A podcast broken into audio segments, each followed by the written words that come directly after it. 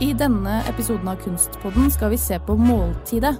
Måltidet er et tema så komplekst at man nesten ikke kan begynne å snakke om det, men vi skal likevel gjøre et forsøk. Måltidet handler om hva slags forhold man har til mat. Det handler om det sosiale, politikk, ensomhet, overlevelse, kontroll, tap av kontroll. Det handler om ernæring, og det kan handle om kreativitet og kunst. Vi skal spise middag sammen med gutta i Tirsdagsklubben.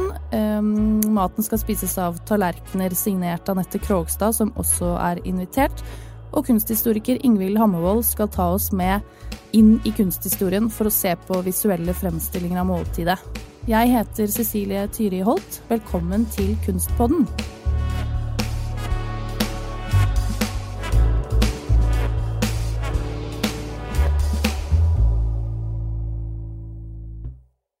Når vi snakker om eh, mat og kunst, så ser du kanskje for deg 1600-tallets stilleben, bygget opp av frukt, kjøtt, blomster og krystallglass. Eller dagens gourmetrestauranter som serverer det som ligner på spiselige kunstverk, på tallerkener som i seg selv er egne kunstverk. Kunstverk som fremstiller mat, er jo ofte symbolske ved at de viser til eh, noe mer enn det de konkret avbilder. Så kunsthistoriker Ingvild Hammervoll, kan du skissere noen strømninger eller tradisjoner i forhold til dette med visuelle fremstillinger av måltidet? Ja, gjennom historien så ser man jo ofte at mat er bærer av både symbolikk og ritualer. For eksempel i kristendommen så er jo maten i stor grad symbolsk, eh, med nattverden, hvor brød og vin er liksom Kristu legeme og Kristu blod. Fisk og brød er mirakler, eple er kunnskapens tre og utkastelsen fra paradiset. Eh, også i Egypt så ser man at eh, mat både er næring og motiv. Eh, for eksempel spiser man veldig mye løk i Egypt. Og samtidig så var det et symbol for eh, evig liv gjennom den runde formen og alle de lagene som løken har. Så eh, det ble noe man eh, på en måte avbildet og næret seg med. Og pga. løkens lukt så trodde man i Egypt at den faktisk kunne vekke de døde til live igjen. Så man puttet det også inn i øyenhulene til mumiene. Og da tenker jeg at maten på mange måter er symbolsk, og samtidig etter hvert i historien så blir den knyttet litt til en sånn vitenskapelig behandling. Um, gjennom stilleben i barokken, som da ønsker i stor grad å ha en realistisk scene, nesten litt sånn fotografisk avbildning før fotografiet av virkeligheten. Uh, og det tar, med, tar, man jo med som motiv inn i 1800-tallet, uh, hvor det også blir en slags sjanger men som da gradvis byttes ut med kanskje alkohol, som i større grad tar plass. Og så kom man inn på 1970-tallet hvor måltid i stor grad blir faktisk politisk. Særlig kanskje um, Judy Chicagos verk The Dinner Party, som fra 1974 presenterer et bord oppdekket til 39 kvinner, og på den måten reflekterer kvinnenes posisjon gjennom historien i dette verket, da, som også er et slags sånn måltid, både visuelt og symbolsk. Ja, for det reflekterer jo eh, tiden. Altså måltidet som eh, motiv har jo veldig mange undertemaer, som eksempel tid, som du var litt inne på nå. At kunstverket reflekterer hva slags forhold man hadde til mat i den tiden det ble laget. Eh, for det er jo veldig langt mellom, eh, la oss si, Ludvig den 15.s rokokko-måltider og van Goghs maleri av potetspiserne. Eh, så liksom hvordan reflekteres tid i denne motivgruppen? Jeg tenker at Det handler litt om hvem som har bestilt kunstverket også. At eh, den som bestiller ønsker sin virkelighet og sine idealer reflektert i verket. Eh, de romerske keiserne i antikken de omga seg veldig mye med mat som motiver i mosaikker, som var dekorert av både gulv og tak i de fantastiske villaene de bodde i. Og de var også kjent for å ha sånne overdådige matorger. Og også at de ønsket å overgå hverandre da, i å servere ekstreme retter. Som fisk som var blitt fòret med døde slaver, kokte kamelfotputer, dyretestikler, råtten fiskesaus osv.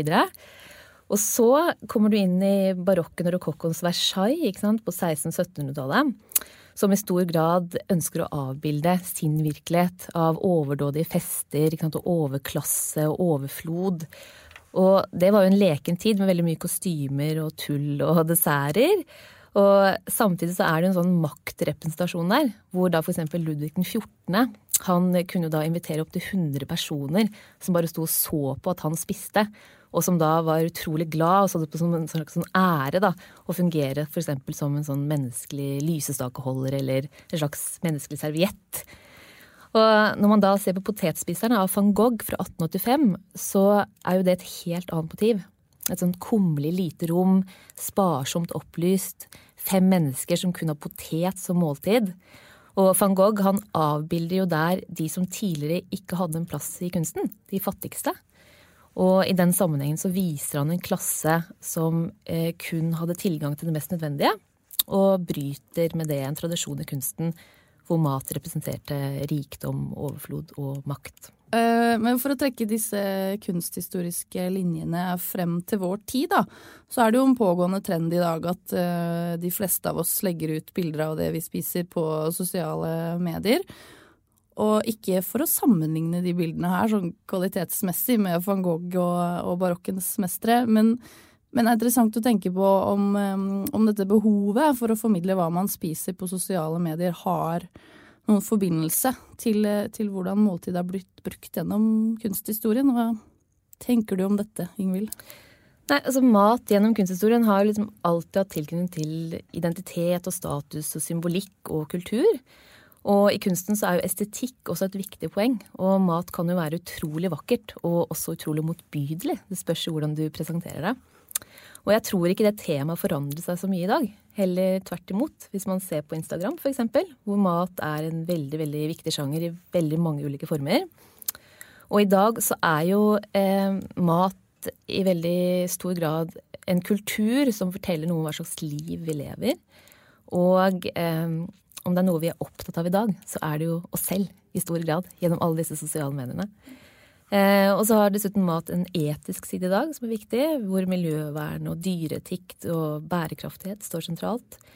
Eh, og på den måten skal man si at mat som motiv i dag også er en bærer av større temaer enn bare smak og behag. Eh, hva du avbilder at du spiser, forteller rett og slett hvem du er. Tusen hjertelig takk for at du kom i studio, kunsthistoriker Ingvild Hammervoll.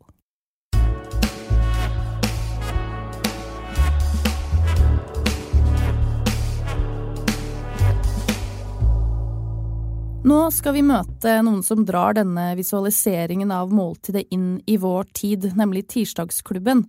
Viktor Ramm, Ola og Asbjørn Kessel Bransnes har møttes stort sett hver tirsdag i noen år nå for å lage mat med utgangspunkt i stikkordene et land pluss en ingrediens. Matprosjektene visualiserer de i en blogg og på sosiale medier. I kveld har de fått utfordringen Grønland pluss papaya. Det er jo tilhører noen av de mest de, de mer sære kombinasjonene vi har vært borti. Og da spesielt med tanke på at jeg tror aldri har vært en papaya på Grønland før. Før i dag. Og det skal vi gjøre noe med. Se åssen det går, da. Om det var en god eller dårlig idé. Det finner vi jo ganske kjapt ut av. Ola, hva er det som er eh, viktigst når dere planlegger et uh, måltid? Kanskje i sånn tombola trekke, trekke lapper eh, med, med ingredienser og, og, land. Eh, da er det viktigste, tenker jeg, å finne det som trigger deg, sånn inspirasjonsmessig. Eh, jeg søker rundt på nettet og på en måte finner ut om f.eks. Grønland. Da. Kanskje ikke så lett å bli trigga av alt de har der, men å finne det lille som måte, du blir gira på, og så kan du bygge ut fra det. Og det er jo, du kan jo gjøre hva som helst med, med mat. Nesten. Så hva er det som trigga deg nå, da? Blåbær. Merkelig nok så var det Nei, det var ikke så mye på Grønland. Jeg syns det var gøy at de, de, bruker mye boksmat. Og da er det sånn vi tenker jo gjerne at uh, at god mat må være, må være ferskt og og etter sesong og alt det der. Men det er gøy å innimellom bare bryte litt konvensjoner og bare Nei, nå bruker jeg boksmat, så klarer jeg å lage noe godt av det òg. Viktor, ja? hva går konseptet Tirsdagsklubben ut på? Hva det går ut på? Det kanskje går ut på noe annet nå enn det gjorde for tre-fire år siden. Da var det vel å lage mer mat som man aldri hadde lagd før sammen. Mm. Eh, så vi har egentlig vært eh, rundt i hele verden og testa nytt. Så det är väl testa nytt og och få en liksom nästan en mystery challenge varje vecka. For det er en tombola Tombola-träckning. Bakgrund, Eh, så man får lite, ibland lite lättare kombinationer, ibland lite tøffere. tuffare. Som i dag. Som idag. Det var ingen tombola, det var bare en ren utfordring. Men eh, det jo også like gøy, så det oppskattes jo. Det handler jo bare om att laga noe man vanligtvis ikke hadde lagd. For mat kan man lage hver dag, men om man får et, et annet eh, rammeverk for mat så er det mer inspirerende enn å ha helt fria Mm. Kanskje. Keramiker Anette Krogstad og jeg står på kjøkkenet til Viktor, Asbjørn og Ola. Anette har laget tallerkenene som vi skal spise på, i tillegg til 720 lignende tallerkener til en av verdens beste restauranter, Noma. Men i kveld har vi invitert oss selv på middag hos Tirsdagsklubben. Og Anette, du har jo jobbet lenge med måltidet som tematikk, konseptuelt, eh, med rundt det performative ved måltidet, men også konkret ved at du lager tallerkener og det man spiser av. Ehm, Hva betyr en tallerken for deg? Eh, Jeg liker jo å kunne ilegge en tallerken flere betydninger. Eh, og jeg har jo et minne selv fra et selskap hvor jeg som fjortis satt der og ikke hadde så mye å komme med i forhold til samtaleevner, og hvor min mor ba meg om å si noe. Og jeg ble veldig flau. Uh, og da var tallerken et veldig fint sted hvor jeg kunne jeg kunne ta opp bestikket, jeg kunne skjære i maten, og jeg kunne liksom med mitt litt rødmende ansikt titte ned i tallerkenen og ta en liten pause. da.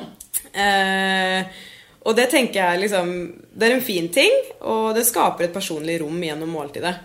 Men på en annen side, sånn i forhold til kultur, så kan man jo tenke på Jeg vet ikke Altså i den vestlige kulturen og hvordan vi spiser av vår egen tallerken, så kan du også se på som altså, en eller annen form for egoisme, eller at man det kunne vært fint om man hadde delt maten ut fra en fellestallerken, som kanskje blir mer og mer populært. Eh, så flere, det er flere varianter og flere måter å se på en tallerken på. Det kan være en, ja, en fin personlig sfære, eller det kan også være en begrensende sfære. Ola, dere fikk jo de tallerkenene til Anette for noen eh, dager siden. Har de påvirka det dere har lagd i dag, på noen måte? Eh, Det er jo ikke hver dag Det er jo innimellom, men ikke hver dag at man plater på litt sånn fancy Skikkelig fancy servise.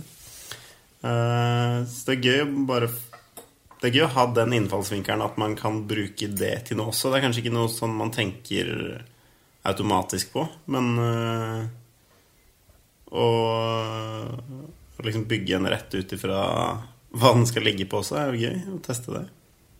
Jeg begynner i fel, i fel rekkefølge, eller jeg begynner i en annen rekkefølge om man trenger en annen input eller inspirasjon, at man kan ta det derifrån for å finne noe rammeverk igjen da, som er alltid skjønt å ha.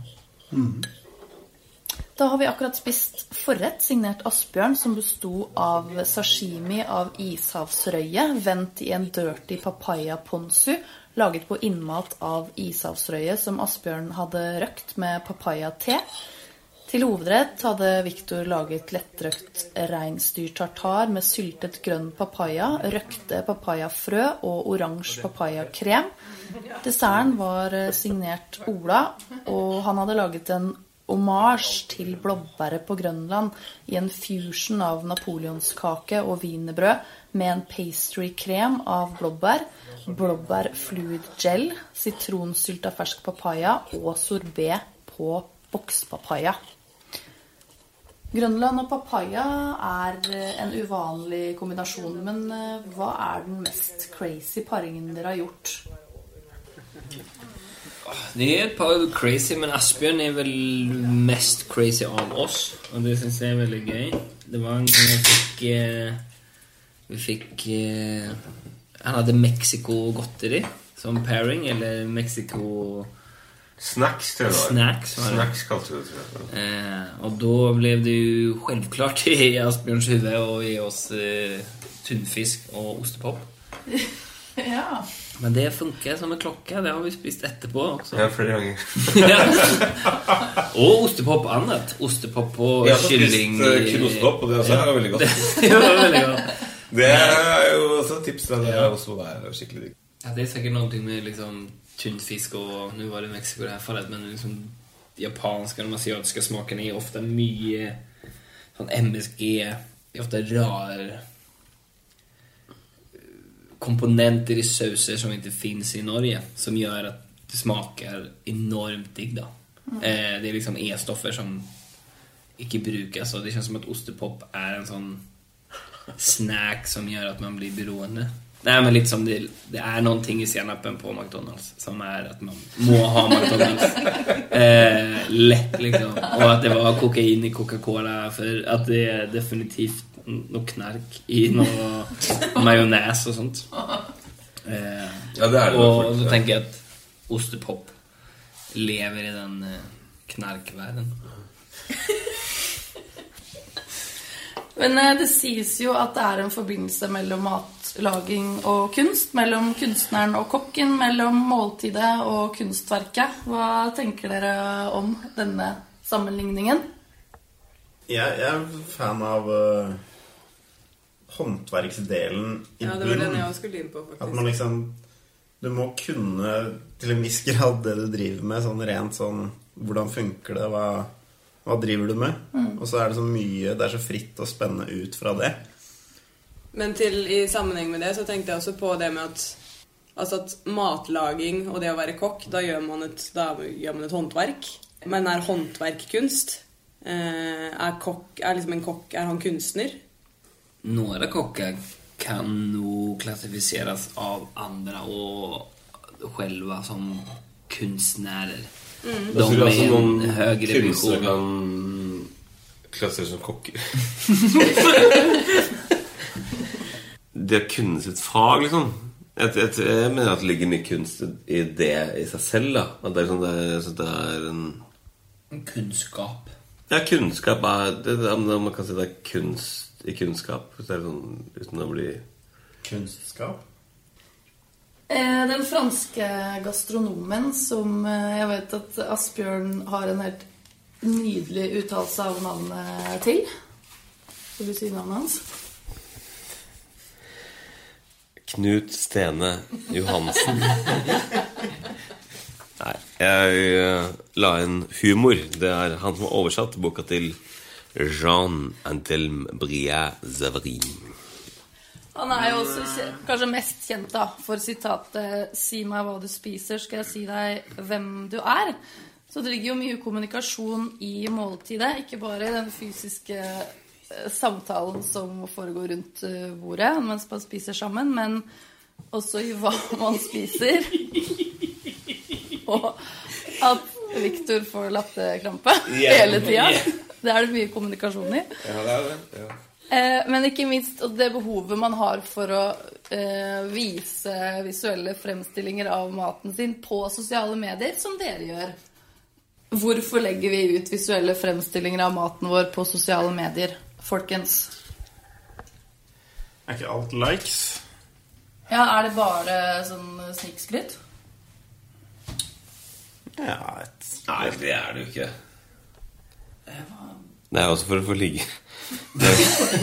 Jeg tenker at kanskje vi ikke har funnet et helt Vi har ikke helt funnet ut av hvorfor vi gjør det ennå. Fordi det er et ganske nytt konsept. Kanskje det er noe At det er en sånn underbevisst greie om at vi har liksom tillagt oss et behov for å vise Alt, liksom? hva vi gjør. Ja. Det er ikke nok at bare de rundt bordet og rundt det ene måltidet som vi sitter med nå, ser det. Flere må se det, liksom. Ja. Men så har vi ikke helt ord på hvorfor ennå, Det er vel- kanskje. også en sånn digital bekreftelse på at vi gjør noe som folk I hvert fall Det ser bra ut, da. Altså på, hvis man skal ta Ja, sånn visuelt, Ja, sett. ved sosiale medier. Og da kanskje Instagram spesielt, som vi ofte benytter oss av. Så er det jo jeg, tror jeg, jeg, håper det er litt sånn er- For vår egen del så er det selvfølgelig gøy at folk eh, liker og kommenterer. Så utrolig basalt. Og så er det jo at vi, vi i den hyggeligste konsekvens kan tilby en slags tjeneste. At vi legger ut med oppskrifter og Ja. Jeg tenker, jeg tenker det er jo et eller annet som er sårbart også ved å på en måte øh, Noen er jo veldig aktive på liksom sånne egne profiler med, på forskjellige sosiale medier.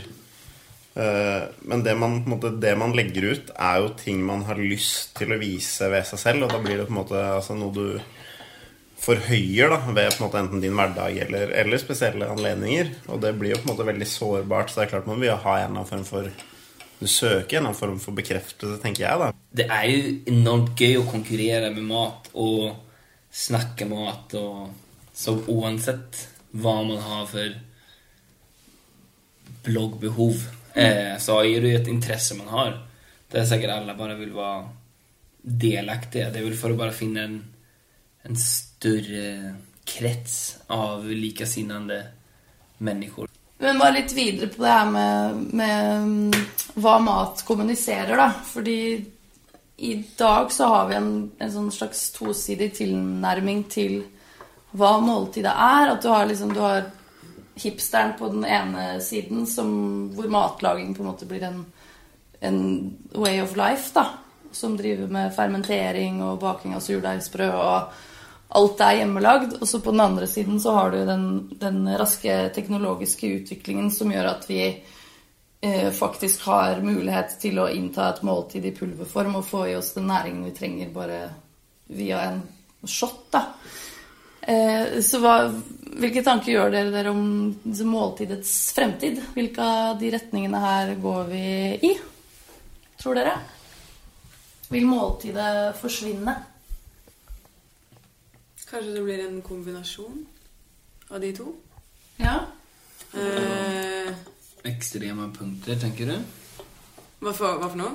At det blir Nei, men liksom det med for eksempel altså det med sunn Altså det at det skal være sunt, at man skal få i seg den næringen og det man trenger på en rask måte, som for eksempel altså med juicer, altså den juice-trenden som er nå, det er jo en idé om at man vil ha noe økologisk, man vil ha noe sunt, man vil ha grønnsaker, men det skal gå raskt, og det skal være kombinert sammen. Historia har alltid vært, kommer alltid vara, tenker jeg, mat er sosialt. Man kan inte jeg vi ses efter har spist min teskje pulver. Eh, for det, spisingen er derfor man møtes. Altså, det er jo noen som har snakka om definisjonen av ordet familie.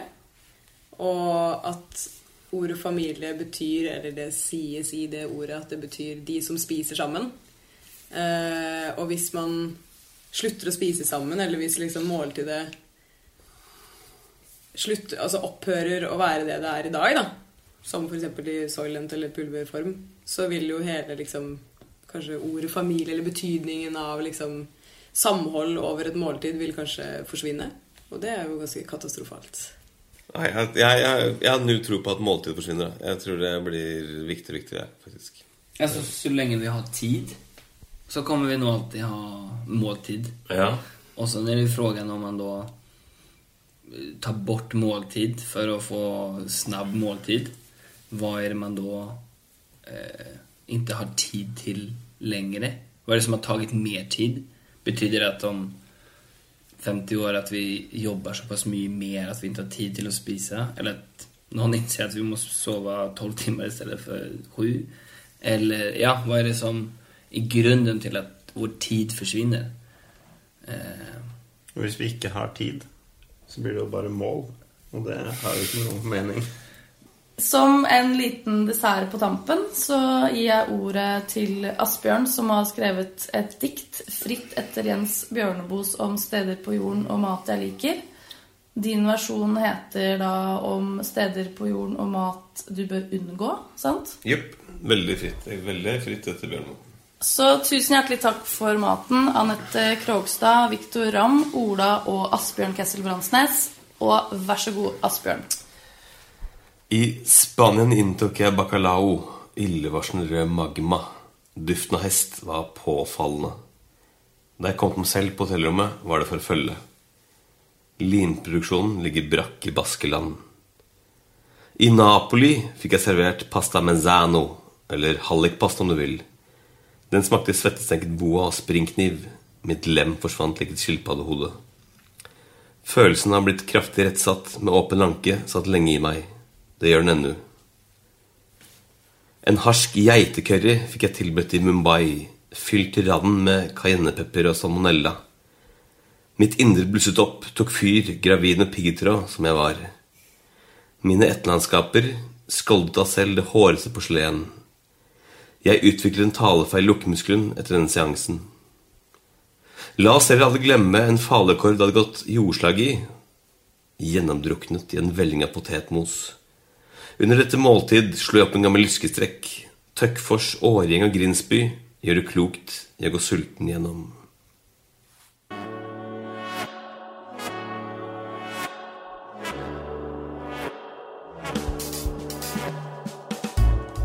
Og med det er Kunstpodden over for i dag. Hvis du vil se bilder av det Tirsdagsklubben lagde, gå inn på Tirsdagsklubben på Instagram.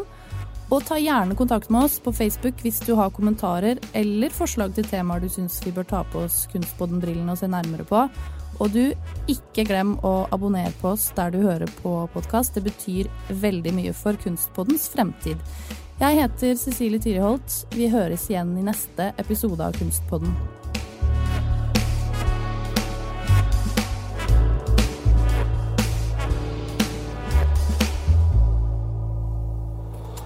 Produsert av Rubicon.